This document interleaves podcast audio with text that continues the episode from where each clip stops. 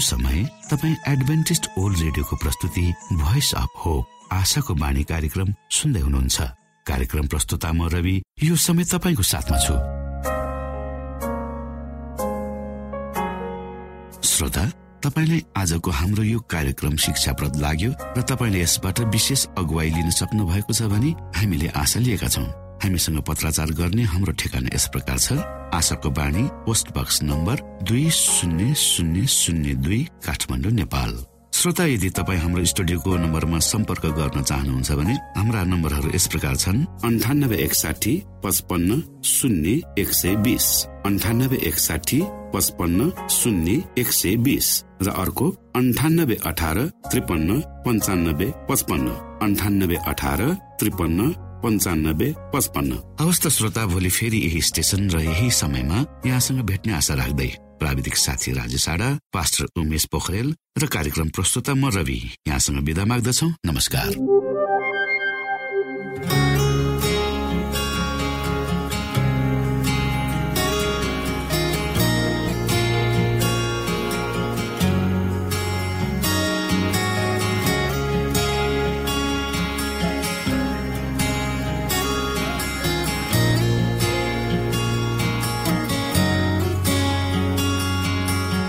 आउँदछु कृपा आसन कि तपाईँको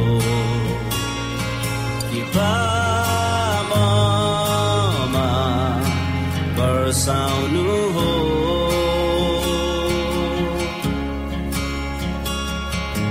पापको कारणले जीवन मेरो दोषी छ सबै मेटाउनु हो।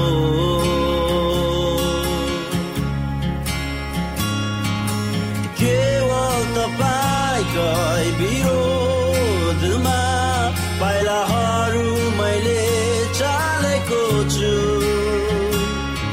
तपाईँका वचनबाट टाढिएर तपाईँकै हृदय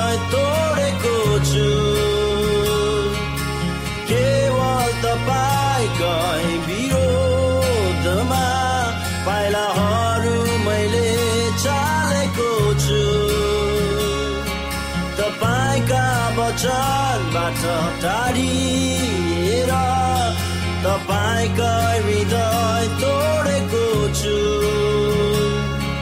दयाका धनी यीशु तपाईँ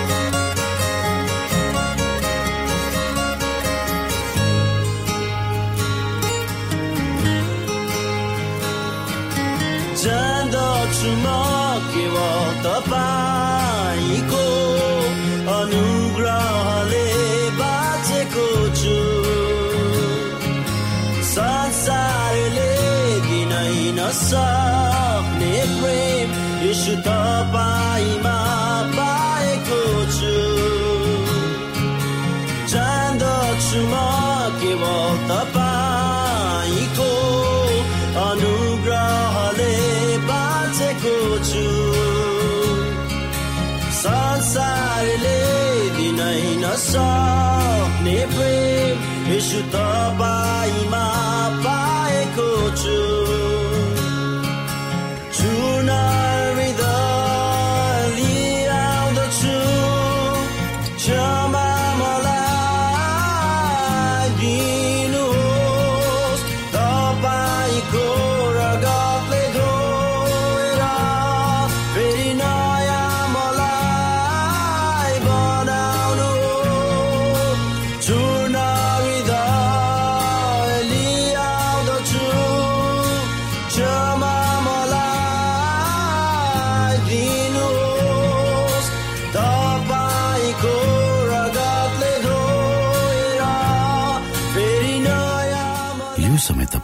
एडभेन्टिस्ट ओल्ड रेडियोको प्रस्तुति भोइस अफ होप आशाको बाणी कार्यक्रम सुन्दै हुनुहुन्छ।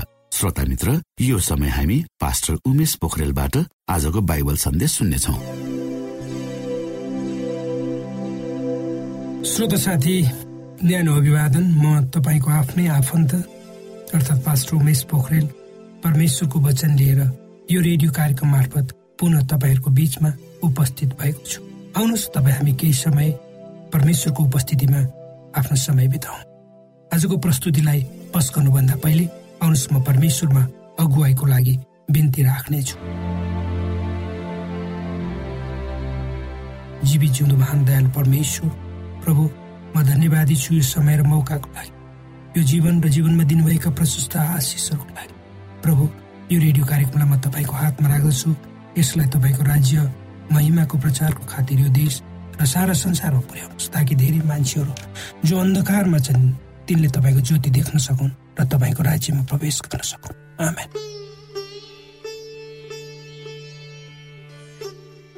श्रोत साथी जब म सानो केटो थिएँ हामी पूर्वी पहाडको एउटा विकट गाउँमा बस्दथ्यौँ हाम्रो मुख्य पेसा खेती नै थियो। पहाडको टाकुरामा सम्म परेको ठाउँमा सानो बस्ती थियो। घरभन्दा माथि जङ्गल र तलतिर भिरालो जमिन र एक घन्टा हिँडेर हामी खोलासम्म पुग्न सक्थ्यौँ। खोलाको दुवै छेउमा उर्वरा खेत थियो। त्यही खेतले गर्दा नै हामी माथि गाउँमा बस्ने मानिसहरूको जीवन सहज भएको थियो। हाम्रो घर वरिपरि भिराला बारी भिराला चारपाटी बारीहरू थिए। त्यसमा हामीहरू समयअनुसार खेती लगाउँथ्यौँ। त्यसको हेरचाह गोडमेल गर्थ्यौँ र कटनीको समयमा बडो आनन्द साथ कटनी गर्थ्यौँ। र बाली घरभित्र भित्र्याउँथ्यौँ। मलाई घरको बुइगलमा राखिएका बकारीहरू अन्नले भरिएको देख्दा बडो आनन्द आउँथ्यो र म खुसी हुन्थेँ। यद्यपि म सानो थिएँ श्रोता। हामीले हाम्रो बारीमध्ये एउटा गरामा आलु रोप्ने गर्थ्यौँ र अझै पनि ती आलु रोप्ने दिनहरू म बोल्न सक्दिनँ। हामी सबै परिवारका सदस्यहरू मिलेर आफ्नो बारीमा काम गर्थ्यौँ। मेरो बुबाले बारी सम्याउनु र खन्नुहुन्थ्यो। आलुका बिउहरू तयार बनाइएको माटोमा राख मैले राख्थेँ। र मेरी आमाले ती बिउहरूको छेउमा मल हाल्नुहुन्थ्यो र मेरी बहिनीले उक्त बिउ र मललाई माटोले पुर्ने काम गर्थिन्। त्यसपछि जब म आफ्नो घरबाट बाहिर निस्कन्थेँ खेल्न वा स्कुल जान भनेर मेरो नजर उक्त बारीमा पर्थ्यो जहाँ हामीले आलु रोपेका हुन्थ्यौँ अनि छक्क पर्थे जमिन मुनि ती आलुका बिउहरू के गर्दै होलान् भनेर सोच्दथे। केही समयपछि ती आलुका बिउहरू जमिनलाई चिर्दै टुसा टुसाएको देख्दा मलाई बडो खुसी लाग्दथ्यो। त्यसपछि हामी समय समयमा गएर आलु बारीमा गोडमेल गर्थ्यौँ। र छिट्टै आलु खन्ने बेला हुन्थ्यो जब एक दिन मेरा बुवाले माटोभित्रबाट आलुका ठुला ठुला दानाहरू निकाल्नुहुन्थ्यो म छक्क पर्थेँ रमाउँथे उफ्रन्थे। किनकि हामीले रोपेका साना आलुका बिउहरू ठुला ठुला भएर प्रशस्त फलेको देख्दा मलाई अचम्म लाग्थ्यो। मेरो सानो त्यो मस्तिष्कले ती कुराहरू बुझ्न सक्दैन थियो ती आलुहरू ती आलु हाम्रो निम्ति विभिन्न परिकार हुन्थे। हामी प्रत्येक दिन आफ्नो भान्सामा तिनलाई प्रयोग गर्थ्यौँ। र हाम्रो परिवारलाई वर्ष दिनभरि खान पुग्थ्यो। यो अचम्मको सत्य थियो श्रोता। श्रोता साथी ती दिनहरूको विषयमा श्रोता वा ती विशेष स्मरणहरूको विषयमा कल्पना गर्दा म कति समय छक्क पर्छु? आफूले आफूलाई प्रश्न गर्छु। कति यस्ता अरू बिउहरू हामीले जमिनमा रोप्यौँ भनेर जुन मानिसका हृदय वा मनभित्र बढे जसलाई हामीले देख्न सक्दैनौँ। कति पटक परमेश्वरले हामीलाई प्रयोग गर्नुभयो र हामीले भनेका साना कुरा र गरेका साना काम बढेर एक सुन्दर रूप लियो भने कति पटक परमेश्वरले हामीलाई प्रयोग गर्नुभयो होला। हामीले भनेका साना कुरा र गरेका साना कामहरू बढेर एक सुन्दर वृक्ष भयो भनेर कति पटक स्वर्गले यी साना बिउहरूलाई मानिसहरूको आत्मामा मिठा अनुभूति दिलाउन हामीलाई प्रयोग गर्नुभयो भनेर। श्रोत साथी प्रत्येक दिन हाम्रो जीवनमा हामीहरू संसारको बारीमा आफ्ना पाइलाहरू राख्छौँ। प्रत्येक दिन हामी जानेर वा नजानेर बिउहरू रोप्छौँ र ती बिउहरू ठुलो भएर बढ्छन्। यद्यपि तपाईँ हामीले बोलेका नम्र वचन र गरेका कामहरूबाट बढेका बिरुवा त्यसको फल हामीले नदेख्न सक्छौँ तर परमेश्वरलाई थाहा हुन्छ। हामी के गर्छौँ के बोल्छौँ भनेर। मलाई विश्वास छ तपाईँ हामी जहाँ भए पनि जे जे गर्दै किन नहौँ हाम्रो वरिपरि हामी बगैँचा लगाउन चाहन्छौँ। उक्त बगैँचाको हेरचाह गर्न हामी हामी आतुर रहन्छौँ र त्यसबाट फल फलाउन चाहन्छौँ। श्रोत साथी म चाहन्छु तपाईँले आफ्नो जीवनमा केवल असल शान्ति दया जस्ता कुराहरू रोप्नुहुनेछ। जो जो मानिस तपाईँको सम्पर्क वा सम्बन्धमा हुन्छन् आउँछन् तिनीहरूको जीवनमा तपाईँले प्रेम दया आनन्द शान्ति धीरज नम्रता संयमता क्षमा जस्ता बिउहरू रोप्नुहुनेछ। ती बिउहरूले बिउहरूले फल्ने फुल्ने मौका पाउनेछन् र धेरै मानिसहरूमा ती असल बिउहरू पुनः रोपिनेछन्। र यो प्रक्रिया निरन्तर चलिरहनेछ र हामी प्रत्येक एउटा जीवित आशा लिएर आफ्नो जीवन यात्रालाई अगाडि डोहोऱ्याउने छौँ र हाम्रो जीवन यात्राको क्रममा हामी आफ्नो लागि नभएर अरूहरूको निम्ति बाँच्ने कोसिस गर्नेछौँ र मानिसहरूको हृदयमा अचम्मको अनुभूति गराउनेछौँ। पवित्र शास्त्रमा भनिएको छ यो संसारमा रहँदा तपाईँ र मैले कसैको निम्ति गरेको उपकार वा कुनै सहयोगलाई स्वर्गले देख्छ अरे र सम्झनेछ भनेर हामीलाई आफ्नो जीवन अरूको सेवाको निम्ति हामीलाई हाम्रो जीवन अरूको सेवाको निम्ति दिएको न कि आफ्नै लागि मात्र। जिउन भने। त्यसकारण कोही मानिसलाई हाम्रो मद्दत चाहिन्छ भने हामी मद्दत गर्न तयार रहनुपर्छ। अर्थात् जो मानिसहरू अरूहरूको निम्ति आशिष बन्छन् तिनीहरू स्वर्गको राज्यमा पस्नेछन् भनेर प्रतिज्ञा गरिएको छ। जब तपाईँ र मैले क्रुसलाई बोक्ने निर्णय गर्छौँ र यसोलाई पछ्याउँछौँ त्यसको अर्थ हामी दयाको काम गर्न राजी भएका हुन्छौँ। पवित्र धर्मशास्त्र बाइबलका धेरै पदहरूमा हामीलाई व्यावहारिक जीवन जिउन उत्साहित गरिएको छ। त्यसैले त भनिएको छ यदि कसैले जाडोमा आफ्नो साथीलाई तिमीलाई जाडो भयो गएर आफूलाई तातो पार भने भन्छ तर उसलाई उड्ने कम्मल दिँदैन भने त्यो साथी होइन। विशेष गरी इसाईहरू दयावन्त हुन्छन् र ती भावनाले उनीहरू डोहोऱ्याइएका हुन्छन् र संसारलाई भिन्न बनाउन उनीहरू लागि परेका हुन्छन्। पवि धर्मशास्त्र बाइबलको मर्कुस नौ अध्यायको एकचालिस पदमा यसो यसो भन्नुहुन्छ किनभने जसले तिमीहरू क्रिस्का हौ भनेर तिमीहरूलाई मेरो नाउँमा एक कचौरा पानी पिउन देला साँच्चै म तिमीहरूलाई भन्छु त्यसले कुनै किसिमले आफ्नो इनाम गुहाउने छैन। श्रोत साथी हामीले गरेको सानो सहयोग किन नहोस्? हामीले बोलेको सा मिठो वचन किन नहोस्? वा हाम्रो सानो मुस्कानले भरिएको अभिवादन किन नहोस्? यी कुराहरूले कसैको हृदयमा मिठो अनुभूति गराउन सक्छ कसैलाई आफ्नो जीवनप्रति आशा जगाउन सक्छ कसैलाई बाँच्ने ऊर्जा प्रदान गर्न सक्छ। प्रत्येक दिन जब हामी आफ्नो यात्रामा हुन्छौँ जस जसलाई हामी भेट्छौँ कृपया गरी आफूसँग भएको कुरा बाँड्न नबिर्सौँ। कसैको चोटमा आफू पनि दुखित हुन सिकौँ र अभाव र खाँचामा परेकाहरूको लागि आफ्नो मुठी खोल्न सकौँ र सहारा विहीनहरूको निम्ति लट्ठी भएर सहारा दिन सकौँ। यी सबै हामीले हाम्रा जीवनमा छर्ने बिउहरू हुन्। तपाईँ र मैले छरेका कति बिउहरू नउम्रन सक्छन् उम्रे तापनि बिचैमा मर्छन् बढे तापनि फल फलाउँदैनन् तर ती बिउहरूमध्ये केही बिउहरू उम्रेर बढ्न सक्छन् र प्रशस्त फल लगाउनेछन् तर त्यसबाट धेरै मानिसहरू आशिषित हुनेछन्। हाम्रो जीवन छोटो छ श्रोता।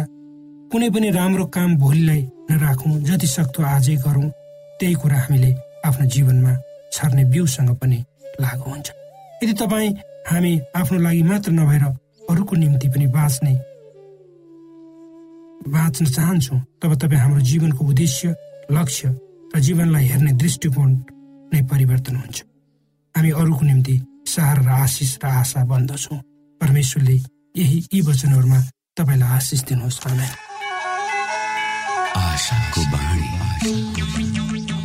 श्रोता भर्खरै यहाँले पास्टर उमेश पोखरेलबाट बाइबल वचन सुन्नुभयो।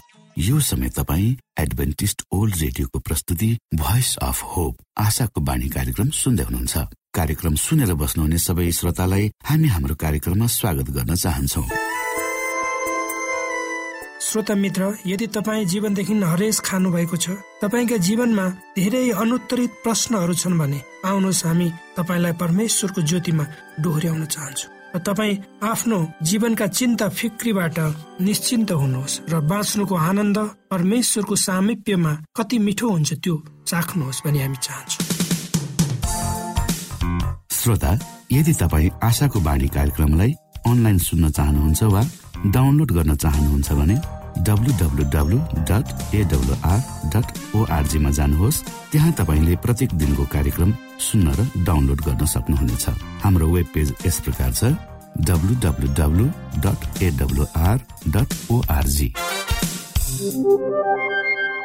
श्रोता यदि तपाईँ हामीसित सिधै फोनमा सम्पर्क गर्न चाहनुहुन्छ भने हाम्रा नम्बरहरू यस प्रकार छन्।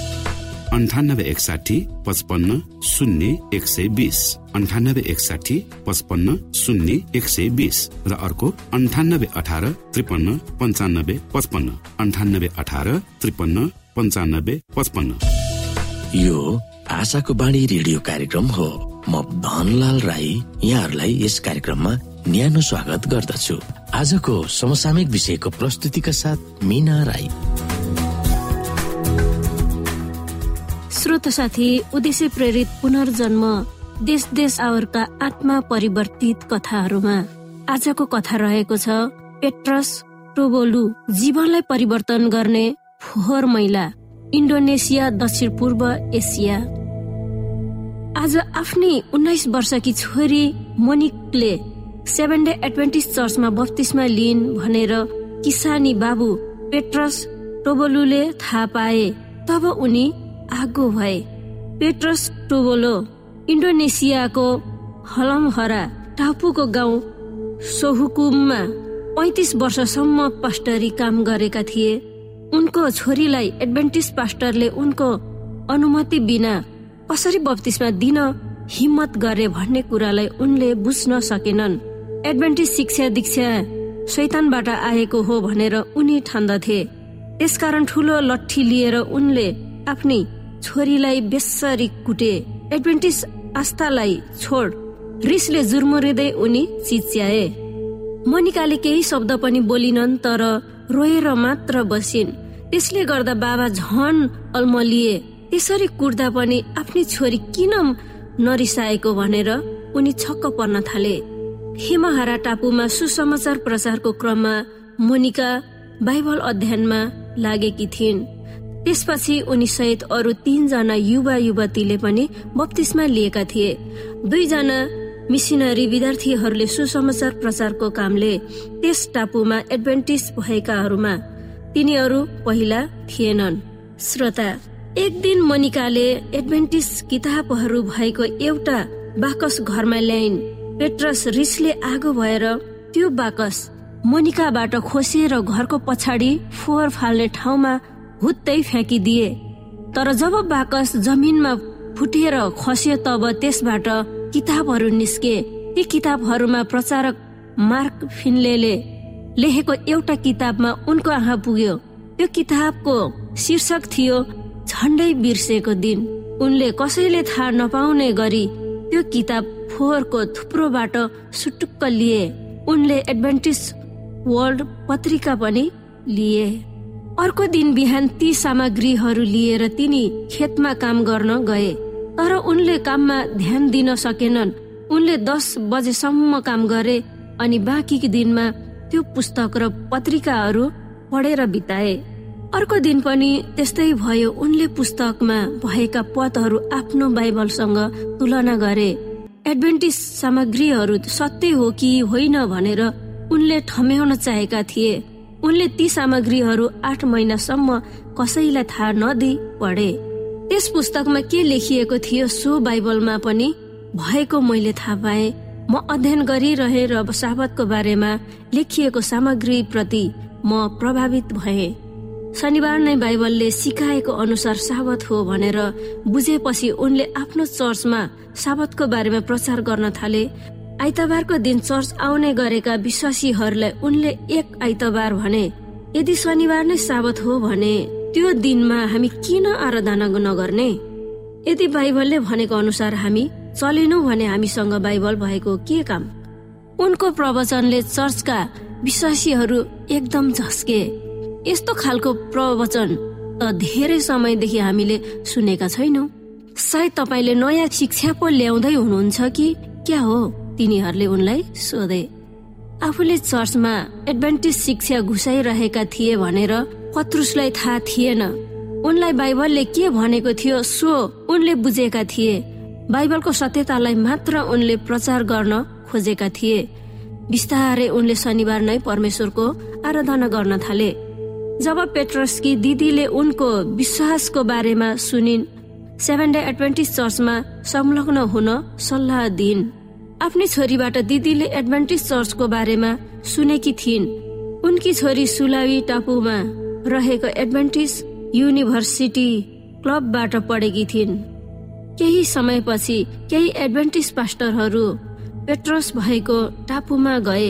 तिनीहरूलाई आफ्नो चर्चमा प्रचार गर्न निम्त दिए।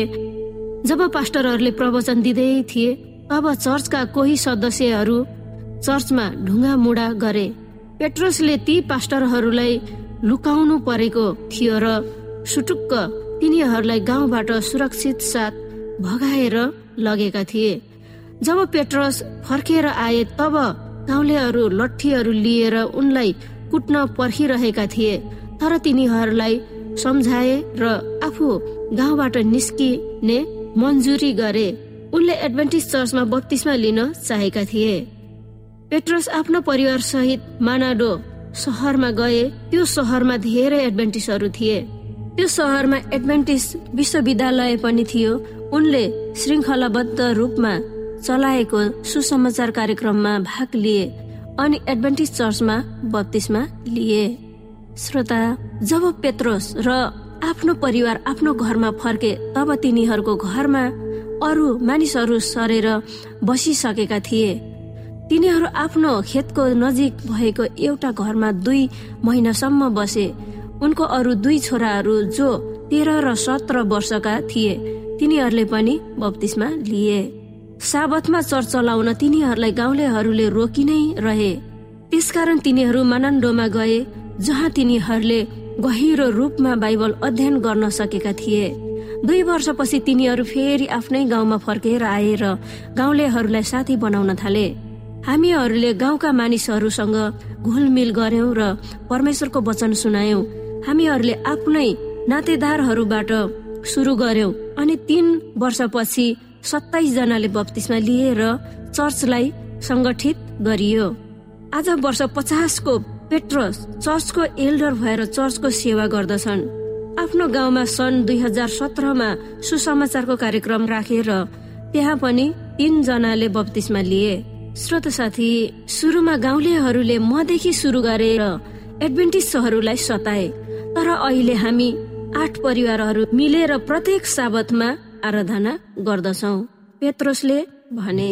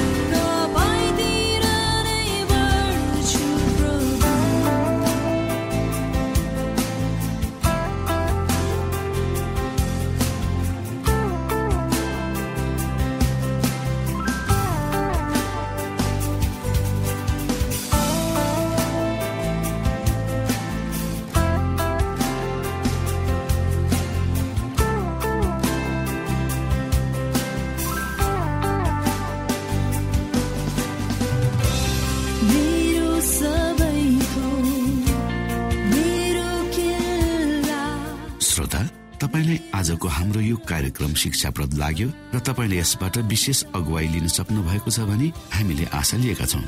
हामीसँग पत्राचार गर्ने हाम्रो ठेगाना यस प्रकार छ। आशाको बाणी पोस्ट बक्स नम्बर दुई शून्य शून्य शून्य दुई काठमाडौँ नेपाल। श्रोता यदि तपाईँ हाम्रो स्टुडियोको नम्बरमा सम्पर्क गर्न चाहनुहुन्छ भने हाम्रा नम्बरहरू यस प्रकार छन्। अन्ठानब्बे एकसाठी पचपन्न शून्य एक सय बिस। अन्ठानब्बे एकसाठी पचपन्न शून्य एक सय बिस। र अर्को अन्ठानब्बे अठार त्रिपन्न पन्चानब्बे पचपन्न। अन्ठानब्बे अठार त्रिपन्न पन्चानब्बे पचपन्न। अवस्था श्रोता भोलि फेरि यही स्टेशन र यही समयमा यहाँसँग भेट्ने आशा राख्दै प्राविधिक साथी राजेश आडा पास्टर उमेश पोखरेल र कार्यक्रम प्रस्तुता म रवि। यहाँसँग विदा माग्दछौ। नमस्कार।